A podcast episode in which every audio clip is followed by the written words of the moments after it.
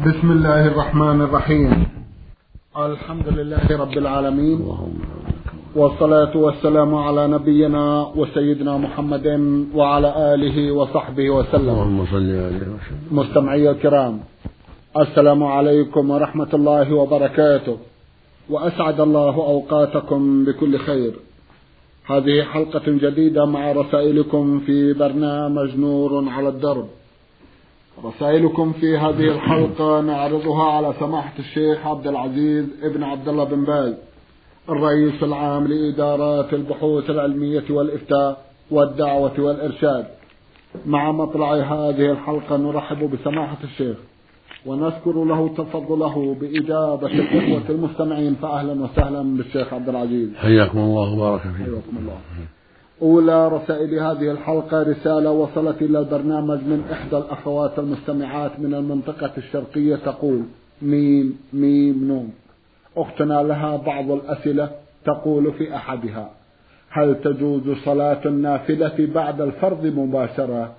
أو أنه يستحسن أن أسبح وأهلل وبعد ذلك أصلي النافلة؟ وجهوني جزاكم الله خيرا.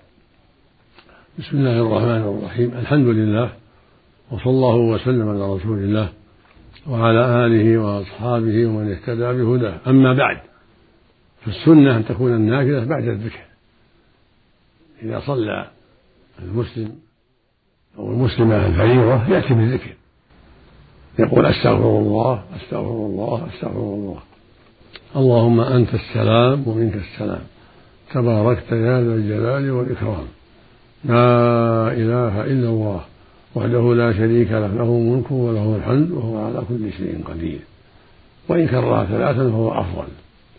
ويقول لا حول ولا قوة إلا بالله. لا إله إلا الله ولا نعبد إلا إياه. له النعمة وله الفضل وله الثناء الحسن. لا إله إلا الله. مخلصين له الدين ولو كره الكافرون. اللهم لا مانع لما أعطيت ولا معطي لما منعت ولا ينفع ذا الجد منك الجد. بعد كل فريضة. إلا في المغرب والفجر يزيد. مع هذا زيادة عشر مرات.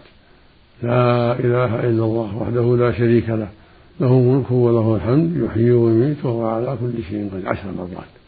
زيادة بعد المغرب وبعد الفجر.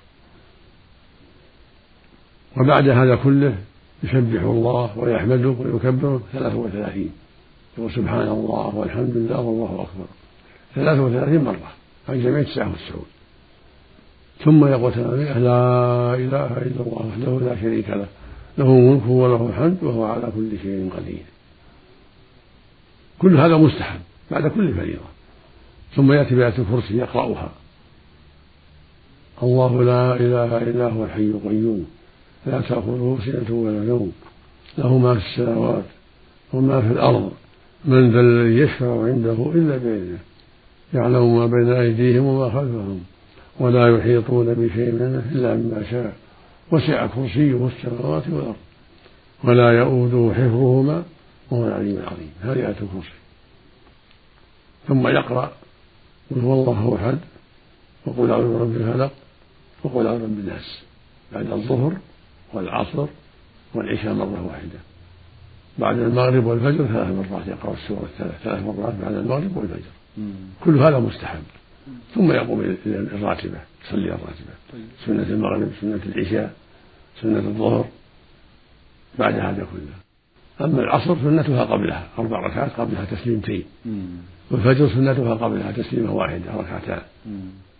وفق الله لي اللهم آمين. جزاكم الله خيرا وأحسن إليكم. وإياكم. تقول أختنا إن يدي أصيبت بحرق منذ صغري وهي يدي اليمنى مما سبب فقدي لأصبع الخنصر والبنصر فما حكمي للأكل بيدي اليسرى. جزاكم الله خيرا.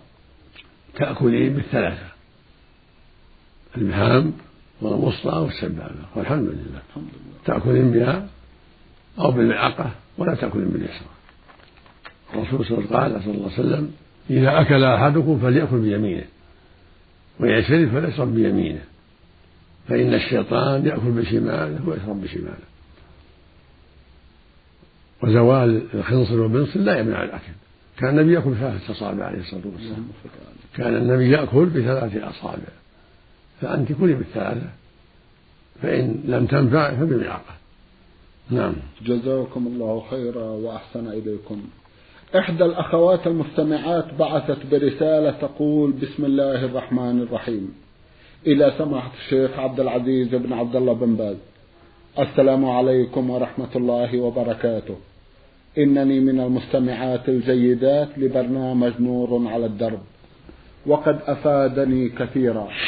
وجزاكم الله خيرا على إفادتكم للمستمعين وأطال الله في عمركم وجعلكم ذخرا للإسلام والمسلمين. ثم تسأل سماحتكم فتقول سؤالي ما صحة هذا الحديث؟ إذا طنت أذن أحدكم فليذكرني وليصلي علي وليقل ذكر الله بخير من ذكرني. ما المقصود بهذا؟ جزاكم الله خيرا. وهل يشمل الأذنين معا أم أذن واحدة؟ جزاكم الله خيرا وأحسن إليكم. هذا الحديث ليس له أصل. في طنين الأذن ليس له أصل. ولا يشرع عند طنينها شيء لا ذكر النبي صلى الله عليه وسلم ولا ذكر غيره. طنينها شيء لا عادي ليس له ذكر ولا يشرع عنده ذكر. وليس لهذا الحديث أصل إذا طنت أحد فيذكرني المقصود أن هذا الحديث موضوع مكذوب لا أصل له. وليس هناك ذكر مشروع عند طنين الأذن وفق الله الجميع اللهم آمين. جزاكم الله خيرا. والدتي أرضعت ابن خالتي ستة أيام في كل يوم جلسة. وتقول إنه والدتي أرضعت ابن خالتي ستة أيام في كل يوم جلسة. وتقول أخشى أنه لا يشبع في الجلسة الواحدة. هل يكون بتلك الرضعات أخا لي؟ نعم إذا كانت الوالدة ارضعته ست مرات فإنه يكون ابنا لها ويكون أخا لك حتى ولو خمس. لا ينقص عن خمس. الرضاع المحرم خمس فأكثر. لا بد من تحقق أن أن اللبن ذهب إلى جوفه ولو لم يشبع. إلى جوف الطفل أو الطفلة ولو لم يشبع خمس مرات. كل واحدة منفصلة عن الأخرى. يرضع حتى يصل اللبن إلى جوفه ثم يقطع. ثم يعود أو ينتقل إلى الثدي الثاني. فإذا كمل خمس مرات صار ابنا للمرضعة وإذا زاد على خمس فأولى وأولى. ولو لم يشبع في كل رضعة المهم أن يرضع لبنا يصل إلى جوفه خمس مرات أو أكثر في الحولين. هذا كونه في الحولين. فيكون ابنا للمرضعة وأخا لأولادها ذكورهم وإناثهم. ويكون أبوها جدا له وإخوتها أخوالا وأخواتها خالات. أما إن كان الرضاع ناقص عن خمس فإن لا يعتبر. ولا يكون الرضيع ابنا للمرضعة. نعم. جزاكم الله خيرا وأحسن إليكم. رسالة من أحد الإخوة المستمعين ضمنها جمعا من الأسئلة وكل أسئلته عن الحج في أحد أسئلته يقول نويت العمرة متمتعا بها إلى الحج من الميقات أبيار علي وطفت وسعيت ولكن لم أقم بتقصير شعر رأسي كله لكن أخذت منه من أماكن متفرقة فهل علي إثم؟ هذا مجزي إن شاء الله عند بعض أهل العلم ولكن في المستقبل تأخذ منه كله من الرأس كله. في المستقبل تقص الرأس كله كما تحلقه كله.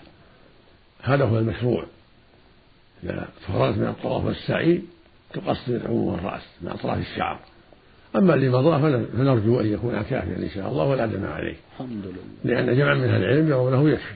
الحمد لله. نعم. جزاكم الله خيرا. يقول نويت الحج في اليوم الثامن. من منى ووقفت بعرفة وقمت بالمبيت بمزدلفة ولكن بعد صلاة الفجر تحركنا بالسيارة إلى خارج مزدلفة وقمنا برمي جمرة العقبة قبل طلوع الشمس وقمت بحلق شعري وبعدها تحللت من الإحرام وانتظرت حتى بعد صلاة العصر واتجهت للحرم للطواف فهل علي شيء فيما تقدم؟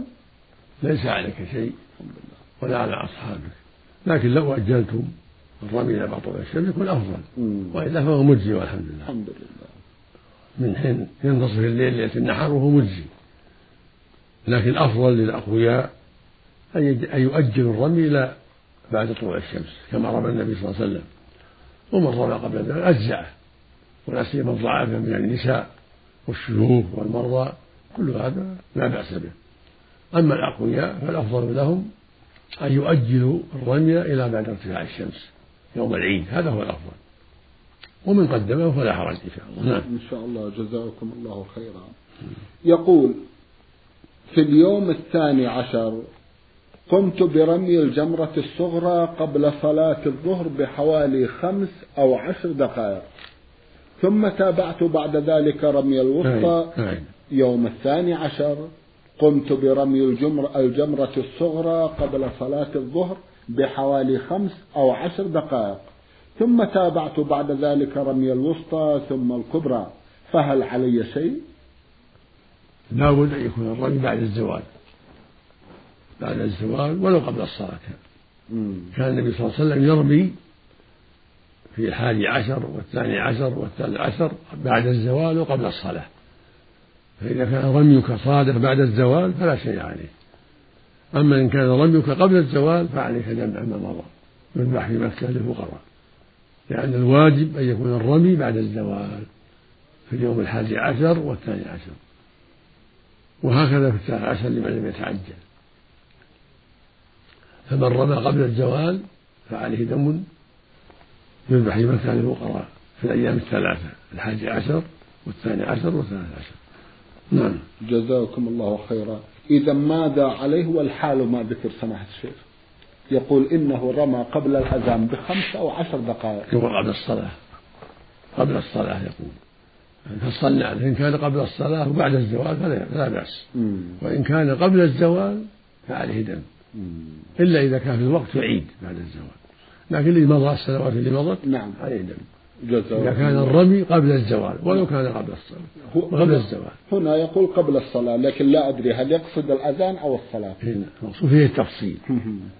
إن كان بعد الزوال وقبل الصلاة فقد وافق السنة. الحمد لله. أما إن كان قبل الزوال فقد خالف السنة وعليه دم جزاكم الله خيرا وأحسن إليكم. يقول لم أكن أملك ثمن هدي.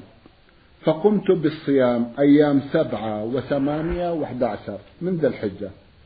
وبعد رجوعي قمت بالصيام سبعة أيام متفرقة في شهر ذي الحجة ومحرم.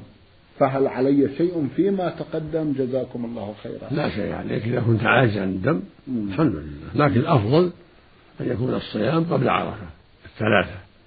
فإن لم يتيسر ففي أيامنا الحادي عشر والثاني عشر والثاني عشر. أما يوم عرفة السنة فيه أن تكون مفطرا نعم. جزاكم الله خيرا وأحسن إليكم. يقول أنا سر الختم محمد الحسن من المناصير بالسودان. له سؤال يقول فيه ما حكم صلاة الجنازة على الميت؟ هل تكون سرا أم جهرا؟ جزاكم الله خيرا. أعد نعم. ما حكم صلاة الجنازة على الميت؟ هل هي سرا أم جهرا؟ جزاكم الله خيرا. هذا السؤال مجمل فإن كان مراد السائل القراءة فالقراءة سرا يقرأ في الجنازة سرا ويدعو سرا طيب. فإن كان مراده غير ذلك ما فهمناه صلاة الجنازة كلها سر طيب. يقرأ سرا يدعو سرا ولو سمع صوته من من حوله فلا بأس لا, لا شيء عليه والحمد لله طيب. الصحابة سمعوا صوت النبي صلى الله عليه وسلم بالدعاء على الجنازة فالمقصود أنه لا لا حرج في أن يسمع صوته من حوله قد يستفيد من حوله. لكن ليس بمشروع الجهر الذي يشوش على من حوله. إنما هو جهر خفيف بحيث يسمع من حوله للاستفادة ويتعلم بعض الناس من بعض. وإلا في السنة في الجنازة ليلا أو نهارا السر بالقراءة والسر بالدعاء. نعم. جزاكم لكن الجهر اليسير الذي قد يسمعه من حوله لا يضر الحمد. لله. ما حكم من يصلي على أنفه ولم يمكن جبهته هل تبطل الصلاة؟ نعم ما تصح الصلاة. لا يصح السجود. إذا تعمد ذلك يكون السجود باطلا. أما إن كان آه، ناسيا في عيد السجدة. إن كان يعيد السجدة إن كان ما زال في السجدة يعيدها. وإن كان قد قام وقرأ تبطل الركعة ويأتي بركعة بدلا منها. لأن هذه الركعة بطلت ببطلان السجود. لا بد يسجد على الجبهة والأنف جميعا. أما إذا تنبه في الحال فإنه يعيد السجود يعيد السجود الحال قبل أن يقوم. نعم. جزاكم الله خيرا. ما حكم الصلاة للذي في ثوبه دم بسيط؟ هل تبطل الصلاة إذا كان يعلم بذلك؟ الدم الدم اليسير يعفى عنه الدم اليسير يعفى عنه أما كان أما إن كان كثيرا عرفا فإنه لا يعفى عنه فإذا صلى وهو يعلم أن في ثوبه أو بدنه دما كثيرا فصلاته غير صحيحة. أما الدم اليسير يعفى عنه. وهكذا لو كان كثيرا لكنه نسيه أو جهله وصلى ولم يعلم إلا بعد الصلاة فصلاته صحيحة. وهكذا لو كان نجاسة أخرى كبول أو غيره في ثوب أو في بعض البدن نسية حتى صلى صلاته صحيحة جزاكم الله خيرا وأحسن إليكم. من المستمع حاب أبو سعيد رسالة ضمنها جمعا من الأسئلة في أحدها يقول هل يحق للأب أن يأخذ مال ابنه وممتلكاته بحجة أن الرسول صلى الله عليه وسلم قال أنت ومالك لأبيك؟ نعم له أن يأخذ من مال ابنه. من مال ابنه ما شاء إذا لم يضر ابنه أنت ومالك لأبيك ويقول عليه الصلاة والسلام إن أطيب ما أكلتم من كسبكم وإن أولادكم من كسبكم. لكن ليس له يضره بل يجب أن يترك له ما يكفيه. وإن كانت ذرية وزوجة كذلك لابد أن يترك له ما يكفيه وزوجته وأولاده. لقوله صلى الله عليه وسلم لا ضرر ولا ضرار. لا ضرر ولا ضرار. فليس له يضر ولده أما إذا كان ولده ما عنده أحد وأخذ ماله وأنفق صار ينفق عليه فلا بأس. لكن الأفضل للوالد أن يتعاطى الأمور التي لا تجعل الأولاد يبغضونه ويكرهونه ويتمنون زواله.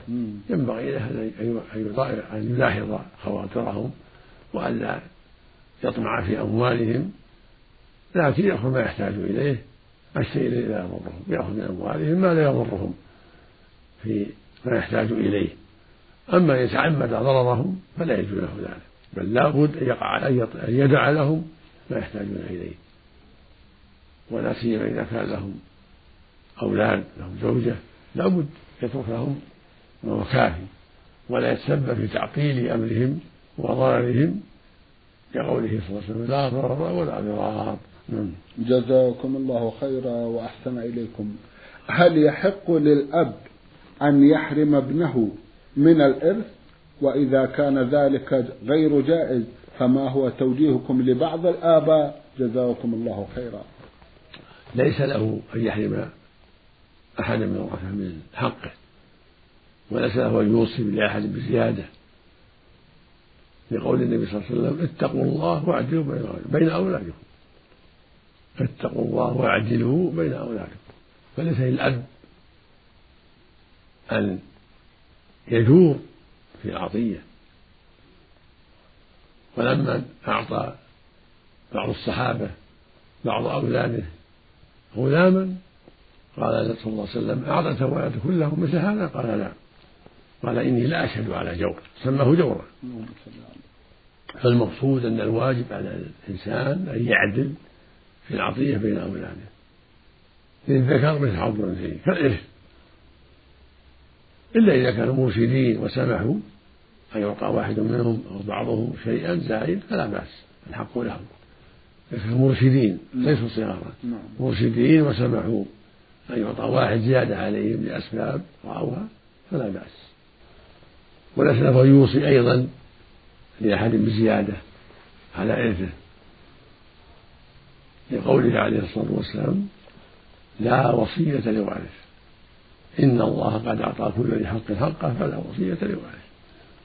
فليس أن يوصي لبعض الأولاد بشيء زايد أو لغيره من الورثة. الواجب تركهم على ما قسم الله. إن الله قد أعطى كل ذي حق حقه فلا وصية لوارث. نعم. جزاكم الله خيرا وأحسن إليكم. يسأل سماحتكم شيخ عبد العزيز عن شخص في حاجة إلى بعض المال من أمر لأمر الزواج مثلا. ويقول هل لي أن أشتري سيارة مثلا وأبيعها واستفيد بثمنها مع فارق في البيع والشراء؟ جزاكم الله خيرا. نعم له له يشتري السيارة أو غيرها ثم يبيعها وينتفع بثمنها في الزواج. يشتريها بأقساط مؤجلة مثلا أو أو لأجل معلوم ولو قسطا واحدا ثم يبيعها ويتزوج. لا بأس بها.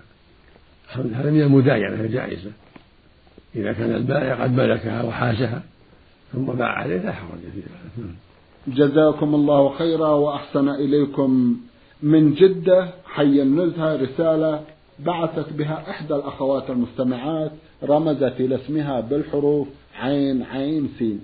تسأل سماحتكم عن بعض العبارات مثلا عبارة المغفور له فلان هل تجوز أو لا؟ ظاهر الأدلة الشرعية أنها لا تجوز.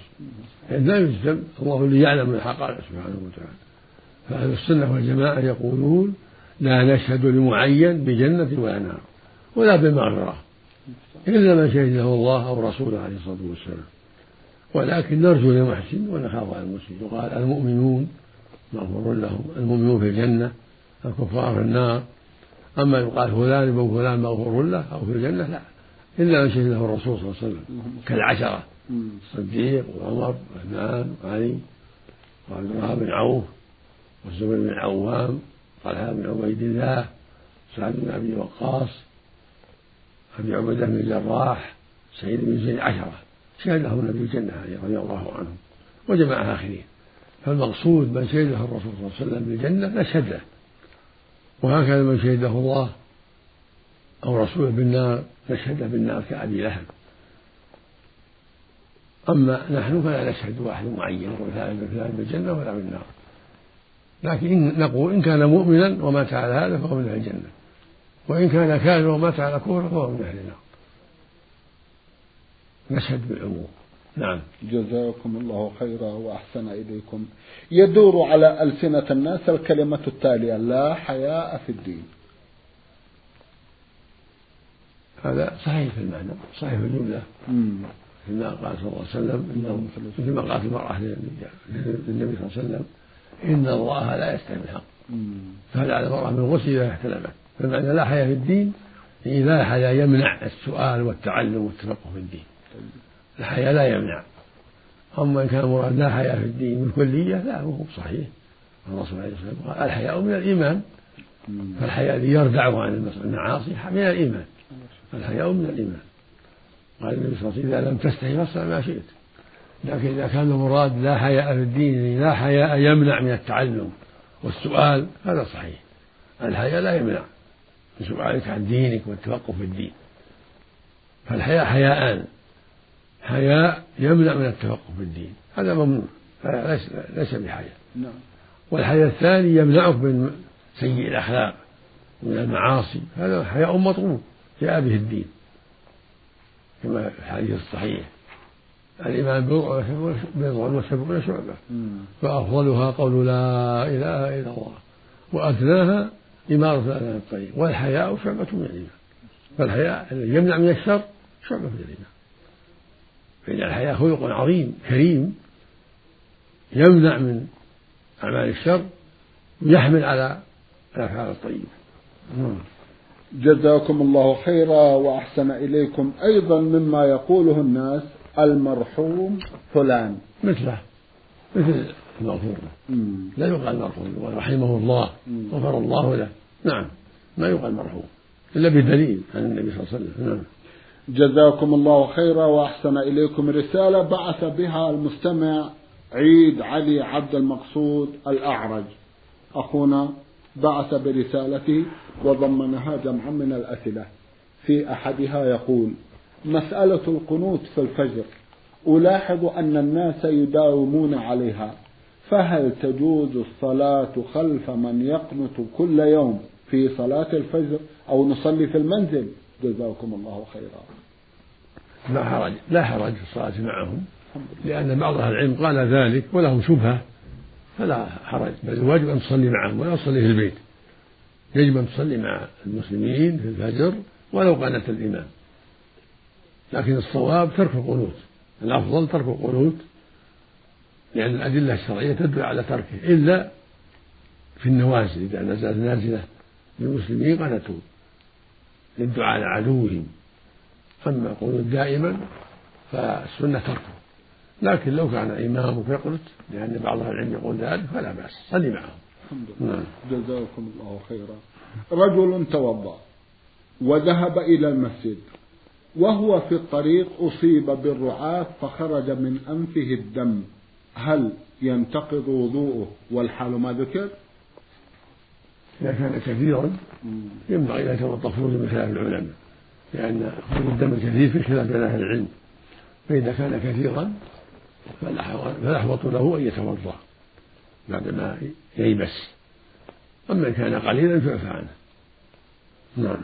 جزاكم الله خيرا. إذا كان هناك مسجدان قريبين من بعضهما والبعض يشوش على البعض الآخر. فما هو توجيه سماحة الشيخ في هذا الموضوع؟ إذ لا يبعد المسجد عن أخيه إلا بما يقرب من خمسين مترا.